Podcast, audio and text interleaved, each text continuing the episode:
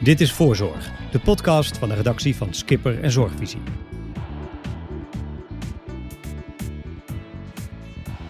Hartelijk welkom, fijn dat u luistert naar Voorzorg, de podcast voor de zorg. Deze keer kunt u luisteren naar een gesprek met Erik Gerritsen. Hij neemt afscheid als secretaris-generaal op het ministerie van VWS. In die functie stond hij dicht op het veld en maakte hij naam als vurig pleitbezorger van digitalisering in de zorg. Waarom hij daarvoor koos en hoe hij terugkijkt op de afgelopen periode, vertelt hij in een interview dat ik zelf met hem had in zijn werkkamer in Den Haag.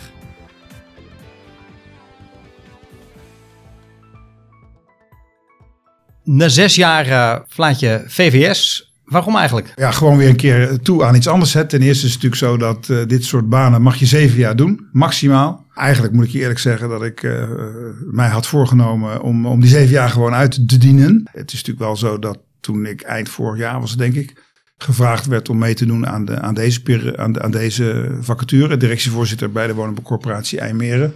Dat ik wel geïnteresseerd was. Nou ja, dan ga je gewoon uh, uh, dan ga je daar je in verdiepen. En nou ja, lang verhaal kort. Uh, mijn passie, mijn drive, mijn bestemming is verschil maken voor mensen in kwetsbare situaties. dat kan op allerlei plekken. Dat kon bij de gemeente Amsterdam als gemeentesecretaris.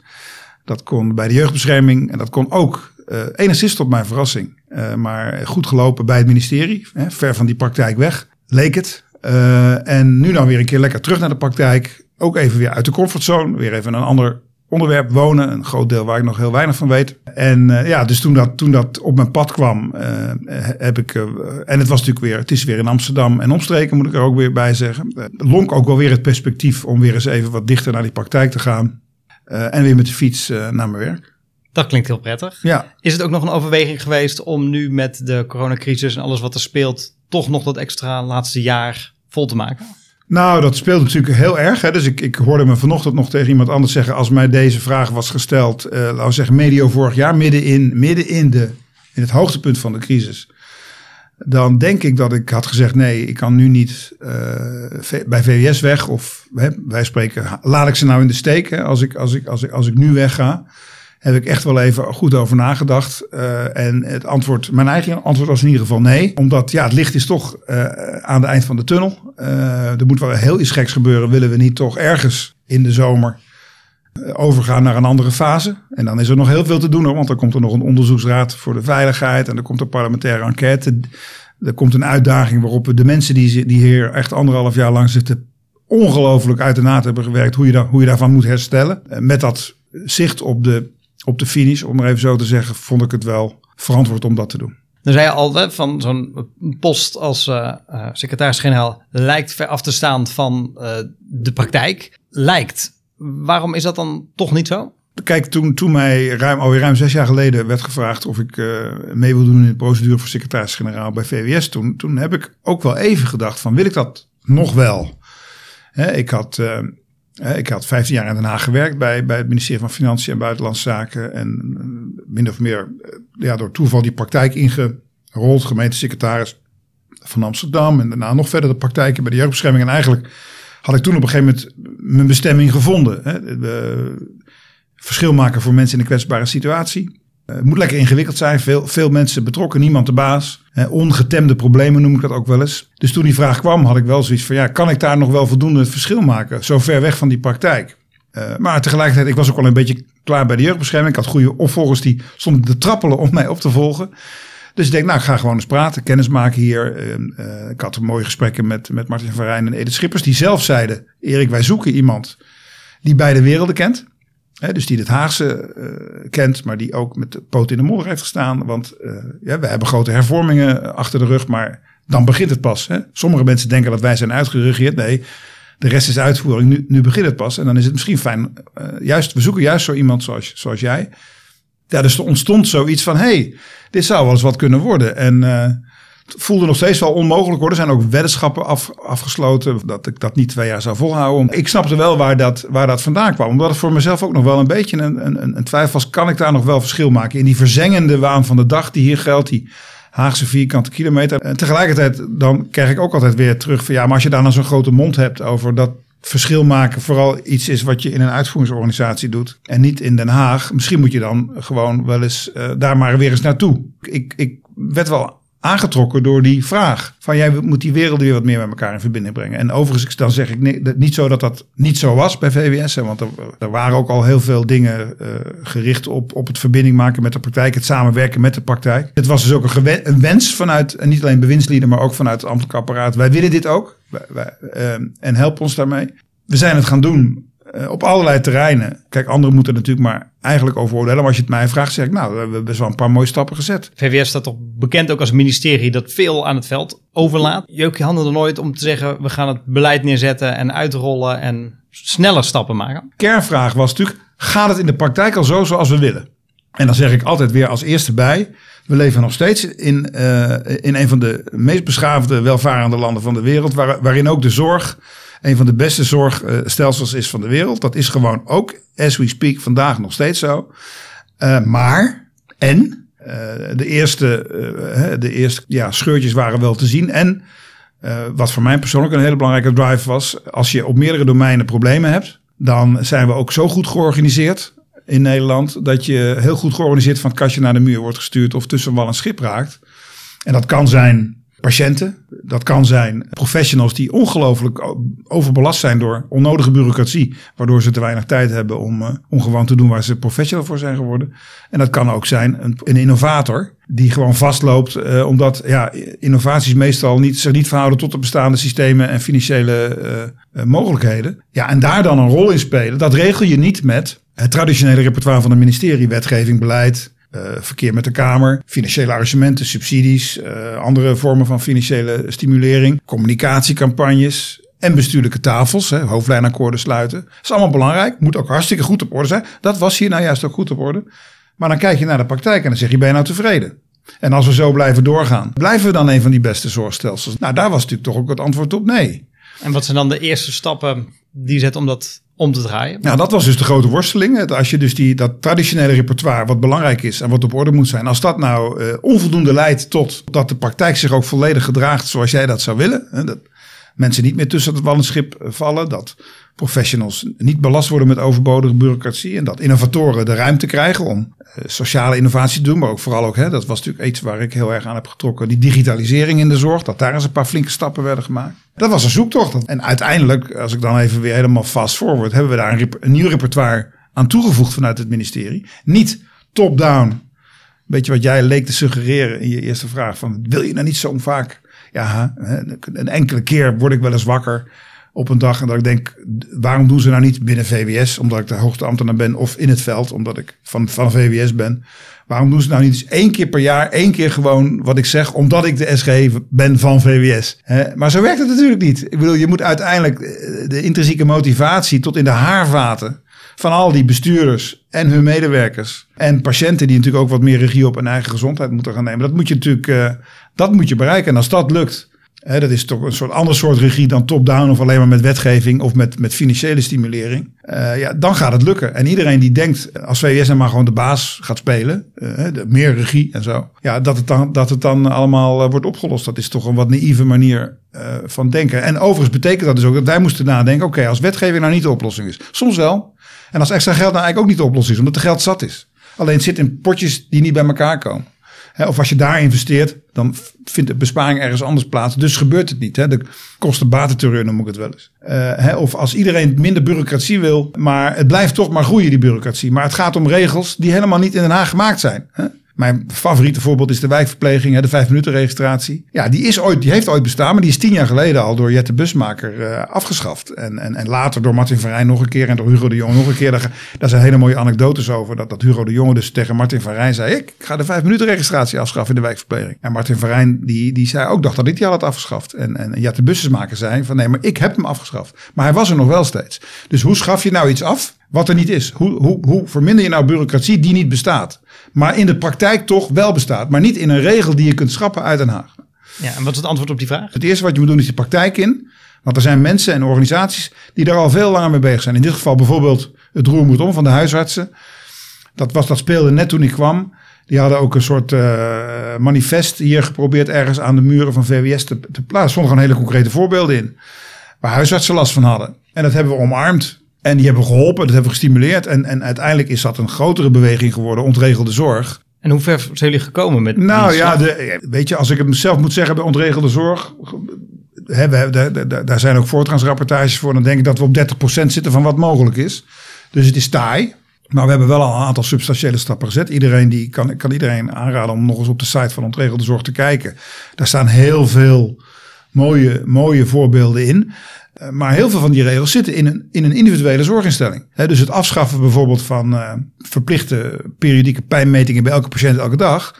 Sommige ziekenhuizen hebben het al afgeschaft, andere nog niet. Eh, ook in de jeugdzorg, eh, sommige gemeenten hebben al heel veel regels afgeschaft, andere nog niet. Dus het is ook, je noem het eens een guerrilla aanpak. Je moet eigenlijk elke keer weer één voor één bijna naar die instellingen toe met zijn gesprek, met bestuurders, met die professionals. En elke keer weer door dat, door dat leerproces heen van, joh, die regels die komen niet uit Den Haag. Voor een groot deel niet.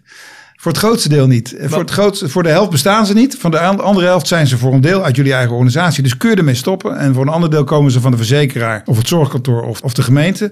En, en als jullie met elkaar van mening zijn dat het onzinnige regels zijn, stop er dan mee. En dan is onze bemoeienis, onze betrokkenheid, soms noem ik het ook wel eens veel eisend helpen of verleiden, afhankelijk van, van hoeveel, hoeveel betrokkenheid nodig is, eh, is gewoon blijkbaar ka- een katalysator om dan uiteindelijk eh, de mensen zover te brengen dat ze met die regels stoppen. Als voorbeeld. Hoe frustrerend is het om dat keer op keer op keer te moeten blijven herhalen? Kijk, je hoopt natuurlijk wel dat, dat door dat aan de ene kant te herhalen, daar wel weer over te communiceren, hè, dat dat ook wel een soort olievlekwerking eh, krijgt en versnelt. Maar tegelijkertijd, dat is wel de kern. En dat is natuurlijk een repertoire wat je niet hebt. Want kijk, een wet, een subsidie of een communicatiecampagne of een bestuurlijke tafel, weet je, dan pak je gelijk alles in één keer en dan ben je klaar. En dit zijn dingen waar je elke keer weer je verbindt met een concrete praktijk. In, in principe zijn natuurlijk de voorbeelden eindeloos. Dat, dat, daar maakt de, de, mensen hier zich dan wel zorgen over. Ja, als je er eenmaal aan begint, Erik, dan is het einde zoek. En dan zijn we de hele dag met, met casuïstiek bezig. En de ervaring is natuurlijk, dat is helemaal niet zo. Dat je be- begint bij waar de energie al is. En dat is meestal in 10 of 15 procent van de gevallen. En door daar dan aandacht aan te besteden, daar, op werkbezoek te gaan, daar complimenten uit te delen via sociale media of ze eens een keer een prijs te geven. Dan voelen die mensen zich gesteund.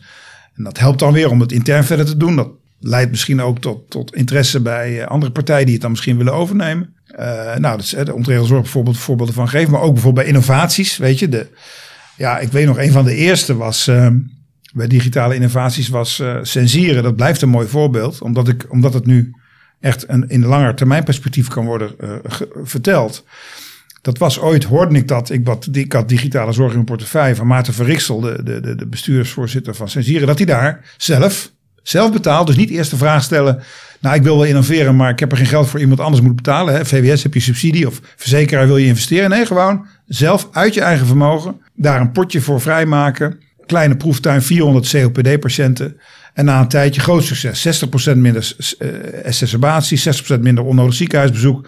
Meer zelfregie voor die patiënten. Ook juist oudere patiënten. Hè, want dan zegt iedereen, de oudere patiënten die kunnen niet met die technologie omgaan. Dat kan wel. Als je maar aandacht besteedt aan digitale vaardigheden. Betere gezondheid. eh, Betere therapie trouw. Heel veel mensen gebruiken dat puffertje verkeerd. Dat werd ze dan één keer uitgelegd. Ooit. En daarna nooit meer. Terwijl als je dan via beeldbellen contact hebt. Dan werd elke keer door die verpleegkundige gevraagd. Heeft u gepuft? Hoeveel heeft u gepuft? Doe nog eens even voor hoe u gepuft heeft. Ja, oh, dat doet u verkeerd.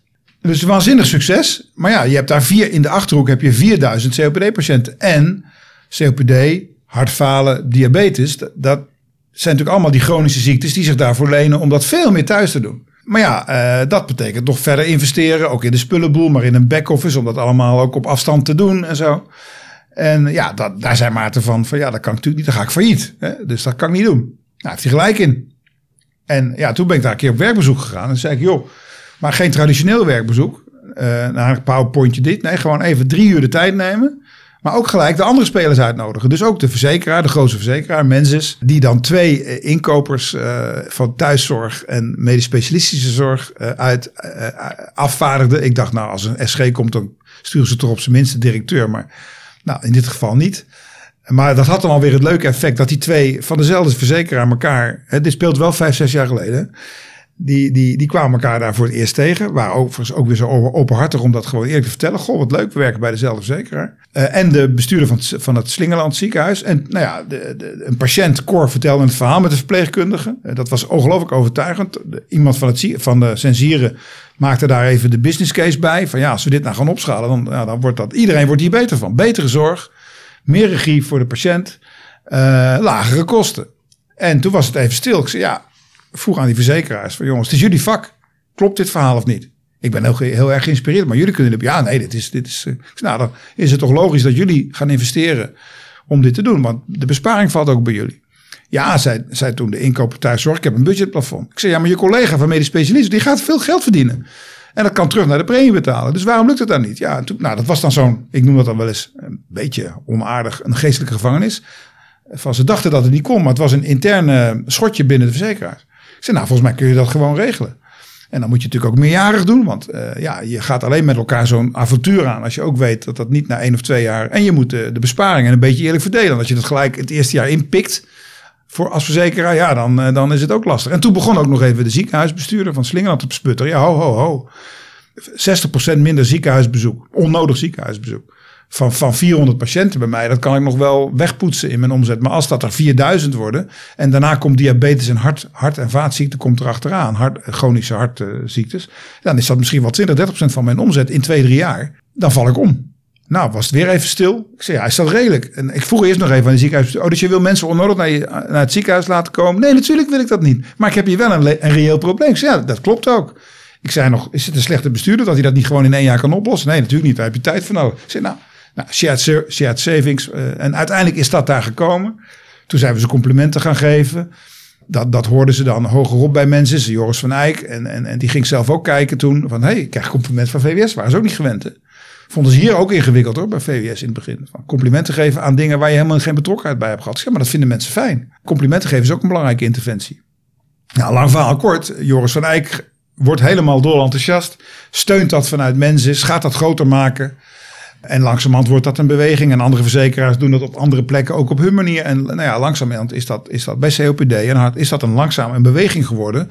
Waar als je nu uh, samen met allerlei andere dingen rondom uh, digitale zorg. Als je dan nu na zes jaar vanuit het moment dat ik begon kijken, dan heb, dan heb je gigantische stappen gezet. En dat, dit deden we de hele tijd. Dus we gaan niet zeggen wat ze moeten doen. We zeggen gewoon, jullie willen dit met elkaar. Nou, wij vinden het ook gaaf.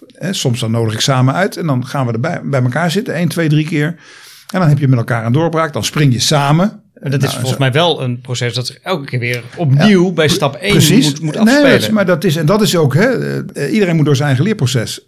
Dus iedereen moet zijn eigen wiel opnieuw uitvinden. En overigens is het dan vaak hetzelfde wiel. En dan denk je, waarom hebben we daar dan zoveel tijd in moeten steken? Nou, omdat het, je moet eigenaar worden. Je moet het doorleven. Vanuit VWS-perspectief alweer heel apart. Ja, maar dan moeten we dus elke keer weer... Ja, inderdaad. En dat, dat doen we ook nog steeds. Dat als er ergens energie ontstaat... En, en we komen erachter, of mensen vragen het ons steeds meer. Hè? Want ja, op een gegeven moment valt het ook op dat je als je, als je om VWS om hulp vraagt, dat ze dan ook gewoon bereid zijn te helpen. Dat we inderdaad op, op innovatie, op, op overbodige bureaucratie en op kwetsbare mensen, tussen van het schip, ons elke keer weer verbinden. Ik zeg er wel bij, als we ons dan verbinden met zo'n concrete casus, geven we daar wel weer publiciteit aan. En, en in congressen en op zorgvannu.nl of op andere manieren. En dan zie je ook dat er ook vanzelf al wat olievlekwerking ontstaat. Maar gaat het wel snel genoeg? Ja en nee natuurlijk. Kijk, ik zeg wel eens van, uh, als je snel resultaat wil, moet je daar tijd voor nemen. Of het gaat er niet om hoe hard je gaat. Het gaat er vooral om dat je nooit stopt. Ik ben ook een wandelende tegeltjeswijsheden uh, figuur. Maar wat ik daarmee bedoel is dat top-down, bam, zeg nou maar gewoon waar we heen moeten en dan gaan we. Tot geen enkel draagvlak leidt en dat dat soms even ma makkelijk is. of makkelijk lijkt. maar daar maak je natuurlijk uiteindelijk geen tempo mee. Dus de, meer verleidingskant. Of het, hè, en soms is het veel eisend helpen. Want niet iedereen zit er altijd op te wachten dat we ons betrokken. Hè, want dan zeggen bepaalde partijen, we krijgen de verzekeraars niet aan tafel. Of die wethouders die willen niet meedoen. Kun jij je samen met ons uitnodigen? Uh, en dan komen ze natuurlijk wel, maar dat is niet altijd zo van uh, uh, waarom.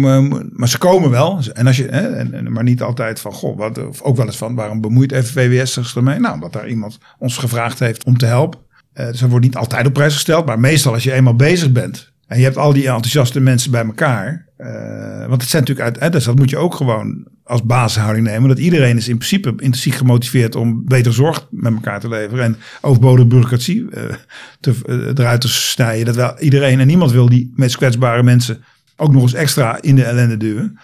Dat als je ervan uitgaat dat iedereen dat eigenlijk wil, maar soms op het, als het probleem een beetje in het midden ligt. En niet helemaal duidelijk is wie nou de lead moet nemen. Dat dan eh, ja, betrokkenheid van VWS. Of dat wij de NZA erbij halen om de bekostiging te regelen. Of dat wij de inspectie vragen. Zijn natuurlijk onafhankelijk. Te vragen van joh, moet het nou echt nog op deze manier? Of inderdaad het zorginstituut betrekken. Dat kunnen we natuurlijk allemaal doen. En dan zie je dat je doorbraken realiseert. Hè? Ik zat bij Tante Louise verpleegzorginstelling. een fantastische voorloper. Hè, die dus uh, mensen met dementie veilig laten dwalen door de wijk met een, met een GPS. Omdat ze toch meestal hetzelfde rondje lopen. Maar als ze dan toevallig eens even wat te laat terugkomen, dan kunnen ze kijken waar ze zijn in de wijk. Er zijn ook nog mensen in de wijk die ook nog meekijken als vrijwilliger. En, en nog allerlei andere mooie, mooie innovaties doen ze daar. Uh, hè, ook, ook de vloeren met valt detectie, uh, zodat je kunt zien of iemand misschien het risico heeft om te vallen. En dan met van die airbags uh, eromheen en heel veel minder breuken. En ze helpen nu instellingen in Friesland. En dan leren ze ook weer dingen van Friesland.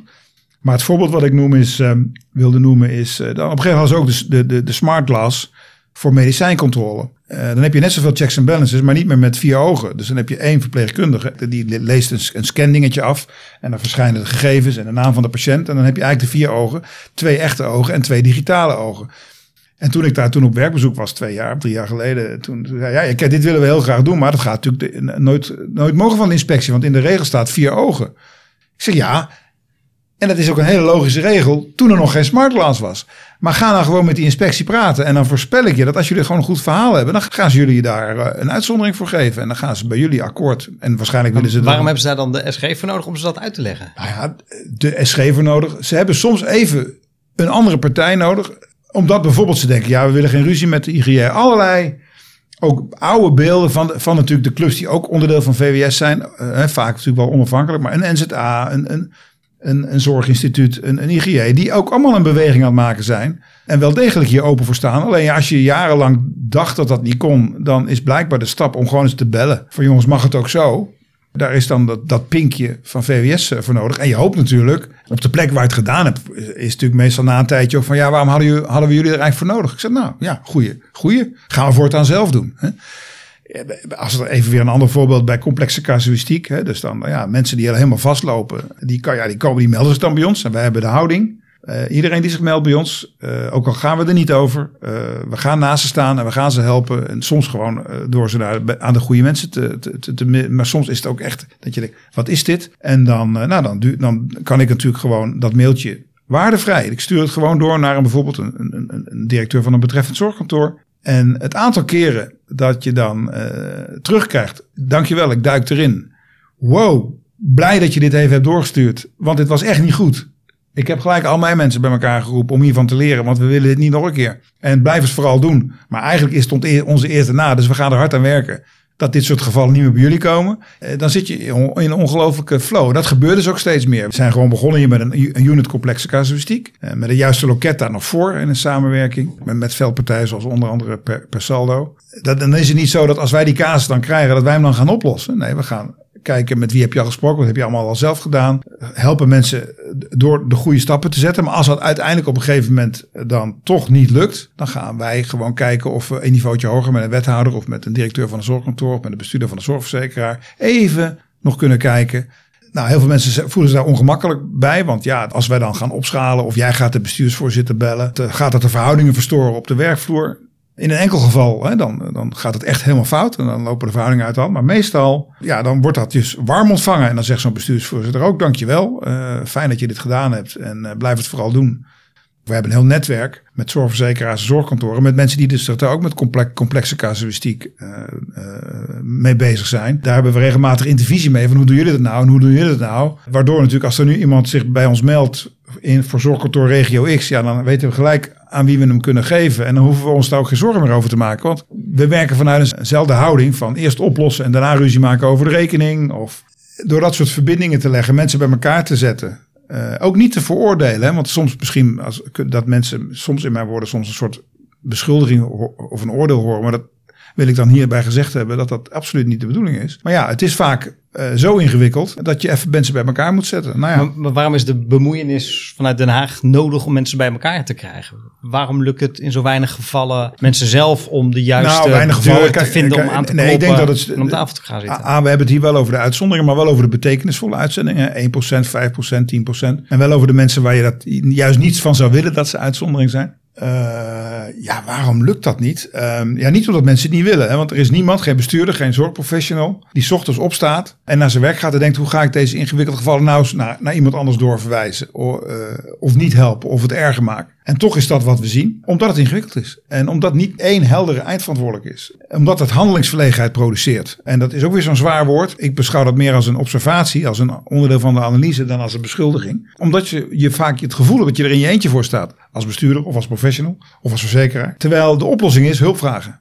Even er samen naar kijken. Waarom is VWS daarvoor nodig? Nou ja, mijn ideaalbeeld is natuurlijk dat door dit, doordat we dit, dit deden we al voordat ik kwam hoor. Dus het is echt niet zo dat ik dat allemaal bedacht heb. Maar we zijn dat wel gaan intensiveren. En in plaats van daar theoretische verhandelingen over te houden, eh, zijn we het gewoon gaan doen. En het is ook niet zo dat wij de enige waren die dit deden. Er waren natuurlijk ook al lang eh, plekken in Nederland waar verzekeraars, bestuurders of professionals al, al ook die verantwoordelijkheid al gewoon namen. Maar door ons daar ook in te manifesteren, zet je een nieuwe standaard. Het gaat over ook een houding, verantwoordelijkheid nemen voor dingen waar je niet verantwoordelijk voor bent zonder de verantwoordelijkheid over te nemen. Hoogfrequent elkaar zien, zowel op bestuurlijk niveau als, uh, als, uh, als die professionals die vaak die innovaties bedenken. Ja, en dan is het, wordt op prijs gesteld dat VWS daarbij is. Maar ehm, op een gegeven moment kun je natuurlijk ook weer loslaten.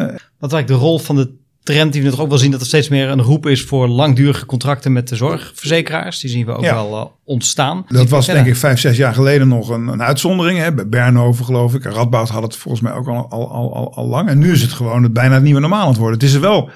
Het is natuurlijk wel zo dat vanuit het perspectief van de verzekeraar, lang, langdurige contracten doe je met partijen die je vertrouwt. Dus waar je al fijn mee werkt. En partijen die je niet vertrouwt, even los van wie daar verantwoordelijk voor is. Uh, ja, daar ga je geen meerjaarcontracten mee aan. Maar ja, weet je, ook dat stelsel werkt al veel langer. Partijen zijn elkaar veel beter leren kennen, de inkopers en de zorgaanbieders. Dus je ziet dat, dat het aantal meerjarencontracten wel een vlucht neemt. En wat voor effect gaat dat nog in de toekomst hebben?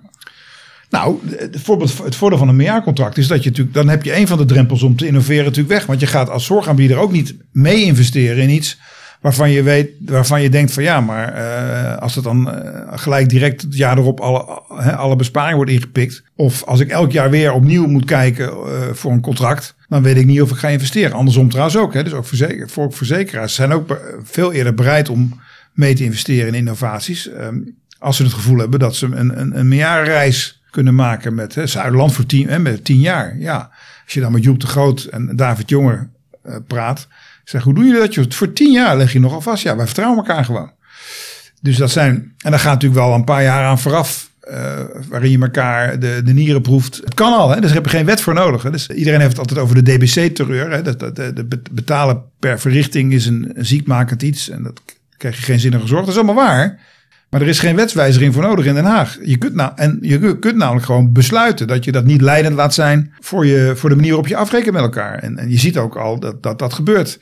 Je ziet ook rare dingen, namelijk dat, dat verzekeraars met ziekenhuizen dit, dit al doen met tien jaar en dan eh, niet op DBC gerelateerd. En dat ziekenhuizen intern voor de interne afrekening nog, het nog wel gebruiken. Ja, dat is dan zo'n geval van, uh, ja, dat doen jullie zelf. Je kunt er ook mee stoppen dat boek De Ingreep van Peter Bennemeer geeft natuurlijk ook een heel mooi, eh, mooi inkijkje in hoe je, hoe je zonder dat je dat Den Haag wat hoeft te doen, al heel veel kan. Uh, uh, omdat dat uh, ja, zelf opgelegde regels en, en, en, en gewoontes zijn, waar je dus ook zelf weer vanaf kan. Veel van wat je nu zo beschrijft leidt denk ik wel tot regionale innovaties ja. en, en, en verbeteringen. Hoe kunnen we er nou voor zorgen dat die ook landelijk kunnen worden opgeschaald? Als je gewoon, als je naar de grote, de grote uitdagingen kijkt, de beweging naar, naar hè, die ook in onze discussienota zorg voor de toekomst staan. En die kan ik met tevreden vaststellen tot een grote uh, mate van overeenstemming hebben bereikt in Nederland. Hè. Dus ik zeg ook wel eens, fysisch het probleem niet meer, jongens. Zullen we daar eens mee ophouden? Hè, de, de, de, de, de rapport juist op de juiste plek is door heel door de hele zorg omarmd. Uh, de discussienota Zorg voor de Toekomst, die onlangs uh, met het commentaar, uh, de honderden commentaren uit het veld naar de Kamer is gestuurd en naar de informateur. Daar blijkt ook eigenlijk op een aantal kleine dingetjes na rondom hoe, hoe dwingend moet je de samenwerking maken. Maar voor het grootste deel is, dat, is, dat, is daar veel overeenstemming over. Ik zag laatst een hele grote groep mensen uit de zorg hebben nog weer een brief geschreven aan de informateur. Nou ja, dan denk ik van, uh, ik kan, eh, dat is volledig in lijn met, eh, met de discussie over de zorg voor de toekomst. Dus dat is het probleem niet. We moeten meer gaan samenwerken, meer domeinoverstijgend werken, meer aandacht voor preventie. Nou, allemaal van dat soort mooie dingen. Even kijken of we de prikkels nog wat slimmer kunnen zetten, zodat dat gedrag ook wordt bevorderd. Dan moet je gewoon vaststellen dat dat voor een groot deel een, een regionale opgave is. Uh, want dat gaat over samenwerking in het zorgnetwerk tussen ziekenhuizen, huisartsen, verpleeghuizen, noem het maar op, fysiotherapie. Dat, die samenwerking is voor een groot deel een samenwerking regionaal. Uh, dat is, gaat over samenwerking tussen de inkopers, zorgkantoren, gemeentes en zorgverzekeraars. Regionaal. Dus voor een groot deel moet het daar gebeuren. natuurlijk, uh, als daar dan weer mooie dingen gebeuren, mag dat ook weer inspirerend werken voor andere regio's. En zo werkt dat nu al. Maar daar zit de grootste winst. Is dat dan allemaal regionaal? Nee, natuurlijk niet. Sommige dingen doe je ook landelijk. Ik bedoel, als je prikkels, als je een, moet zorgen dat preventie daar uh, ook financieel de prikkel wat beter staat, dat investeren in preventie loont, ja, dan moet je misschien landelijk zorgen dat er, dat er uh, financiële prikkels komen om die gemeentes en verzekeraars prikkelen om, om, om dat samen te doen. Of bijvoorbeeld als je wil dat zorgkantoren er, uh, geprikkeld worden om te investeren in het WMO-zorgverzekeraarsdeel, om, om mensen langer thuis te laten wonen, uh, omdat zij daarmee weer per jaar dat, het, dat je in het verpleeghuis uh, kunt voorkomen 80.000 euro uitsparen, met misschien een investering in het, in het gemeentelijk of zorgverzekeringsdomein van 20.000 euro. Nou, misschien moet je ze dan in de wet de ruimte geven om 1% of 2% van hun budget te mogen investeren zonder dat er al sprake is van een indicatie voor langdurige zorg. Daar kunnen wij landelijk gewoon een aantal grote, grote streken zetten. digitale gegevensuitwisseling uh, moet je natuurlijk ook gewoon landelijk doen. Uh, dus deels zelfs met internationale standaarden. Dus daar komt ook die wet. Daar hebben we het informatieberaad voor. Maar een groot deel is denk ik inderdaad een regionale opgave. Wat dan natuurlijk spannend wordt is, gaat dat vanzelf? We hebben die regiobeelden gehad. We hebben al prachtige voorbeelden. Ook, ik ga binnenkort nog weer digitaal op werkbezoek in Limburg. Er gebeuren hele mooie dingen. Eigenlijk gebeuren er in alle regio's mooie dingen. Maar je ziet ook dat ze echt worstelen om, um, niet met de visie, die is overal hetzelfde, eh, even met eigen, een eigen kleurtje eraan. Ook niet eens met proeftuintjes, pilots, dat weet je, je hoeft echt niet meer naar het buitenland. Je kunt hier gewoon een rondje in Nederland doen en alles wat er, wat de zorg aan innovatie te bieden heeft, is ergens in Nederland te zien. In de praktijk met, met, met enthousiaste uh, bestuurders, enthousiaste professionals, enthousiaste patiënten enthousiaste mantelzorgers. Alleen het opschalen is een probleem. En dan denk ik van nou, dat opschalen kun je beter ook maar eerst regionaal doen. Want dan is dat tenminste nog een beetje overzichtelijk. En daar hebben ze allemaal, daar worstelen ze allemaal mee. Hè? Dus ik, ik roep ook altijd overal, fysisch probleem niet, praktijk is het probleem niet. Het is al, het werkt allemaal al, uh, maar we moeten opschalen. En ik denk dat dat vooral een, een regionale opgave is. Uh, vergeef me even het jargon, dat moeten regionale florerende ecosystemen worden. Dat moet regionaal geleerd worden. Uh, dus niet alleen in proeftuinen, maar die proeftuinen, moet die, als je daar wil opschalen, dan moet er een plek zijn met, waarin de bazen van al die, al die spelers uh, elkaar tegenkomen. Niet om te vergaderen en te onderhandelen over budgetten en aandelen en met kaarten voor de borst. Maar waarin ze moeten zeggen, hé hey, wat, een mooie, wat een mooie proeftuin. Hoe zorgen we ervoor dat er in heel Drenthe of in heel Limburg dit gaat gebeuren? En wat is daarvoor nodig? En wat kunnen verzekeraars doen? Wat kunnen gemeenten doen? Wat kunnen uh, zorgkantoren doen? Wat kunnen de zorgorganisaties zelf doen? Wat kunnen patiënten misschien helpen? Uh, dat lerend vermogen van die, van die regio's, dat is denk ik de grote uitdaging. Uh, voorbij eigenlijk wat ik net allemaal vertelde. Complimenten geven, beste praktijken in de, in de, in de aanbieding zetten. In congressen, op websites, zorgvannu.nl. Uh, juist op de juiste plek. Dus het is er allemaal al. Dan is de overtreffende trap het vergroten van het lerend vermogen van zo'n regio. Ondersteund door een aantal landelijke uh, dingen. En overigens die landelijke dingen doen we ook samen. En ook, ook een, wet digitale gegevensuitwisseling gaan wij niet hier zitten typen.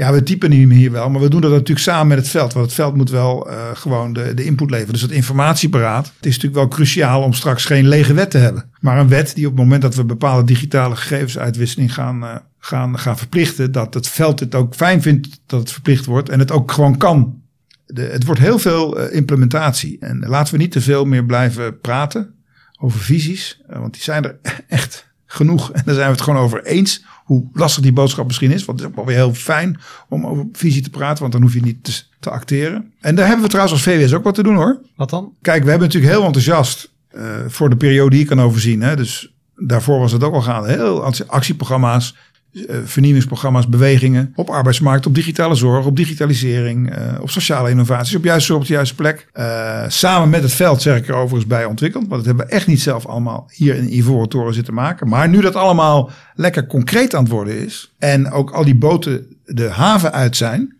en ik kan het ook zeggen, daarom hebben we ook steeds meer werken met regiocontactpersonen. Als je dan in zo, vanuit het perspectief van een regio, vanuit een gemeente, of vanuit een verzekeraar, of vanuit een zorginstelling, komt er wel heel veel vanuit VWS op die mensen af. Dus dat horen we ook wel eens. Het is allemaal hartstikke goed. En ook samen met ons ontwikkeld. Hè. Dus we zijn, we vanuit de praktijk zijn ook mede verantwoordelijk voor al die verschillende uh, vernieuwingsprogramma's.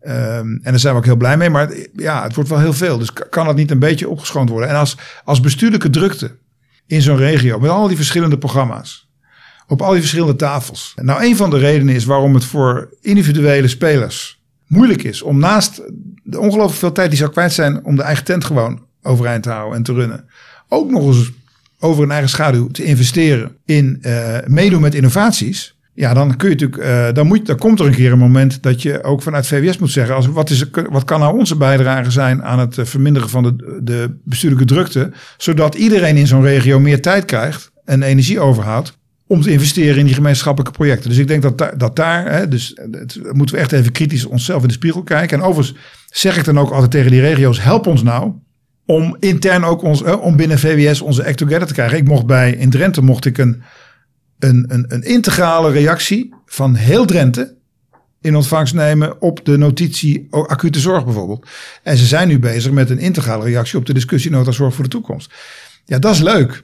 Dat dwingt ons ook weer om hier al die verschillende directies en DG's, uh, uh, ja, om daar ook weer beter uh, samen te werken. Maar het helpt ons ook weer om, een, om, een, om, om dat ondersteunen wat we willen doen en dat, ver, ver, dat faciliteren en dat belemmeringen wegnemen op een manier te doen die maximaal ontzorgt ook. Dat zijn denk ik de uitdagingen voor de, de, komende, de komende jaren. En dat verminderen van die bestuurlijke drukte, hoe kan dat er dan uitzien? Nou, dus, dus deels door vanuit VWS niet heel goed te weten wanneer je wel een apart programma een regio in, in doet. Of wanneer je dat toch probeert te verbinden met de andere stukken.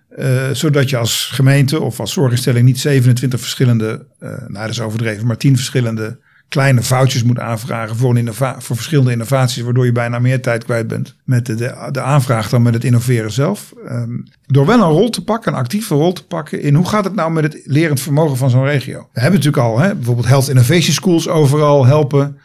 Uh, ontstaan. Dat zijn, dan heb je al die innovatoren van al die verschillende organisaties die je in een, in een, in een school een, een, een, half jaar met elkaar laat optrekken. En heb je weer een belangrijke bijdrage geleverd aan het netwerk en het lerend vermogen. En ik zelf zeg altijd van ja, je moet ook dat bestuurlijk leren moet groter worden. Dus die bestuurders die elkaar wel heel vaak tegenkomen in werkgroepen en stuurgroepen en taskforces, moeten ze het zichzelf gunnen om te leren. Door dus inderdaad al die prachtige uh, kleine praktijksuccessen te laten pitchen, tot zich te laten nemen en met elkaar het gesprek voeren. Hoogfrequent zeg ik erbij, elke zes weken wat mij betreft, van hey, hoe kunnen we de belemmeringen voor wegnemen, zodat onze professionals in de praktijk die mooie samenwerkingen nog weer verder kunnen brengen. In hoeverre staat zo'n uh, not invented here syndroom daarbij nog in de weg? Ja, maar dat is een hele goede, want bij leren, eh, wat belemmert nou het leren? Nou, onder andere not invented here. Hè? Dus daarom hadden we het net al over, iedereen moet zijn eigen wiel opnieuw uitvinden. Dat zeg ik ook niet voor niks. Dus dat betekent ook wat voor de mensen die uh, een voorloper zijn of koploper. Een bepaalde bescheidenheid. Want alleen al het, het woord koploper hè, kan alweer bij de niet-koploper uh, denken van ja zeg. Of ja, mooi, mooi en inspirerend, maar ik ben anders. Hè. Dus, um, dus het medicijn tegen not invented here is dat je toch ook als degene die misschien iets te bieden heeft aan andere partijen, dat je dat op een bescheiden manier doet. Ik noemde het voorbeeld van Tante Louise met uh, wat instellingen in Friesland. En als je die mensen ook, die hebben we, die heb ik gezien toen, uh, toen ik daar op virtueel werkbezoek was tijdens de slimme zorgestafette. Ja, als je die hoort praten, dan is het heel erg gelijkwaardig. En dan pikt Tante Louise ook weer wat op van, uh, van vernieuwingen die ze daar in Friesland hebben bedacht.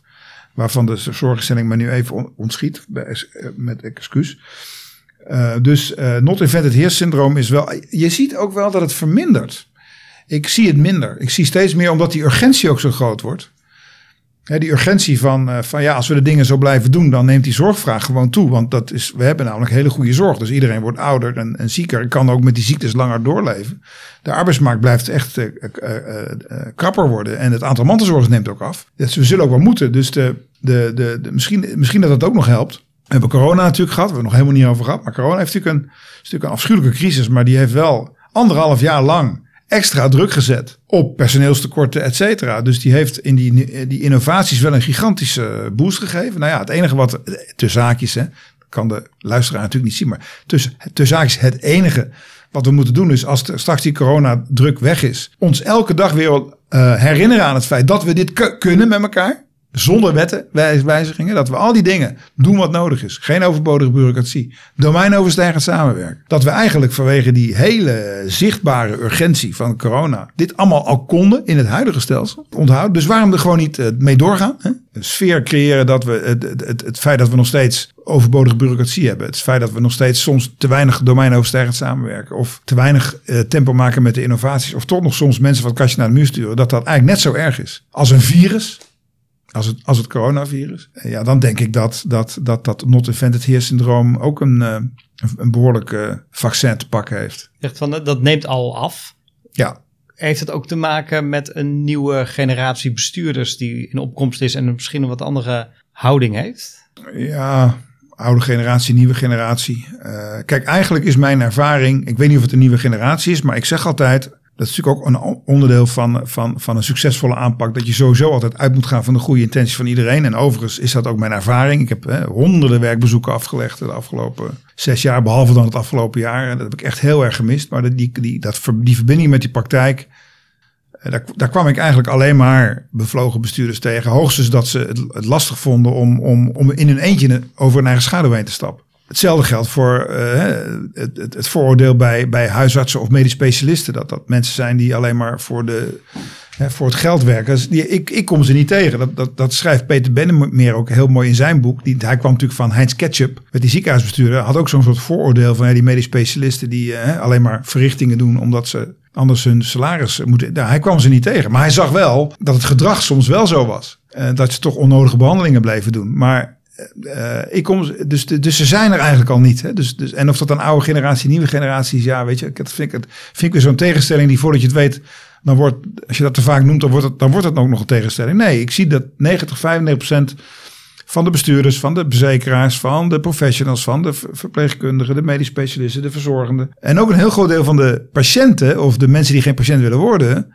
die willen allemaal die beweging wel maken. En als ze het ook eenmaal doen, dan zijn ze ook enthousiast. Als ze het nog niet doen, hebben ze ook nog wel allerlei vragen en onzekerheden. Ook weer heel logisch en heel menselijk. En dan is de oplossing, zullen we het samen doen? En uh, als VWS dan kan helpen in, om dat samen doen, echt concreet handen en voeten te geven, op welke manier dan ook. Nou ja, dan doen we dat toch. En als het niet meer nodig is, dan stoppen we ermee. Dat is een heel positief verhaal. Wat is nou een ambitie die hem gehad zes jaar geleden, toen we begonnen op deze post, die niet is uitgekomen? Dat vind ik een moeilijke vraag. Kijk, ik, het gaat natuurlijk per definitie altijd te langzaam. Hè? Dus als je me heel eerlijk vraagt, had ik gehoopt dat we al wat verder waren. En tegelijkertijd, ja, als je reëel bent, dan, dan, dan, dan, dan hebben we best al veel gedaan. Uh, hè? Zelfs het coronavirus, hè? daar worden elke dag hier dingen, dingen bereikt uh, in een voor Haagse begrippen adembenemend tempo. Overigens ook weer heel erg samen met al die mensen van de GGD's en de ziekenhuizen en de huisartsen. Dus een fantastische samenwerking. Alleen dat, dat, dat, dat virus is te snel, is sneller.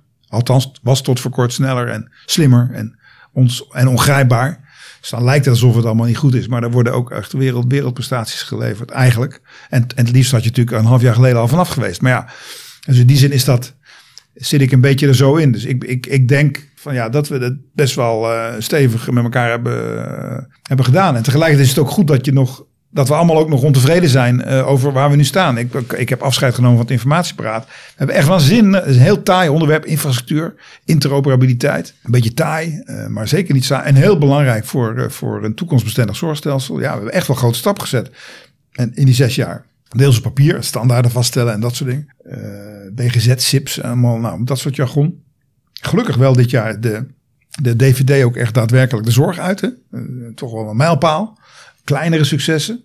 Maar ja, bij mijn afscheid afgelopen maandag, uh, er lag ook een notitie, die is gewoon openbaar, van wat er allemaal nog moet. En, en dat we eigenlijk nog weer een tandje erbij moeten met elkaar. En als je, dat gewoon, als je daar gewoon koud binnenkomt en je leest dat, denk je, nou, nou, dat hebben ze nou de afgelopen jaren gedaan, weet je wel. En wat een agenda nog. Ja, het is allebei waar. We hebben ongelooflijk veel gedaan. En ik, ik was eigenlijk wel weer trots op dat eigenlijk iedereen zei bij mijn vertrek, we moeten er een tandje bij doen ja, ik kan dat beschouwen als het ging niet snel genoeg, maar kan ook beschouwen als ja, dat, dat besef hebben we dan weer met elkaar. Want nogmaals, we, ja, we kunnen het voorzitten.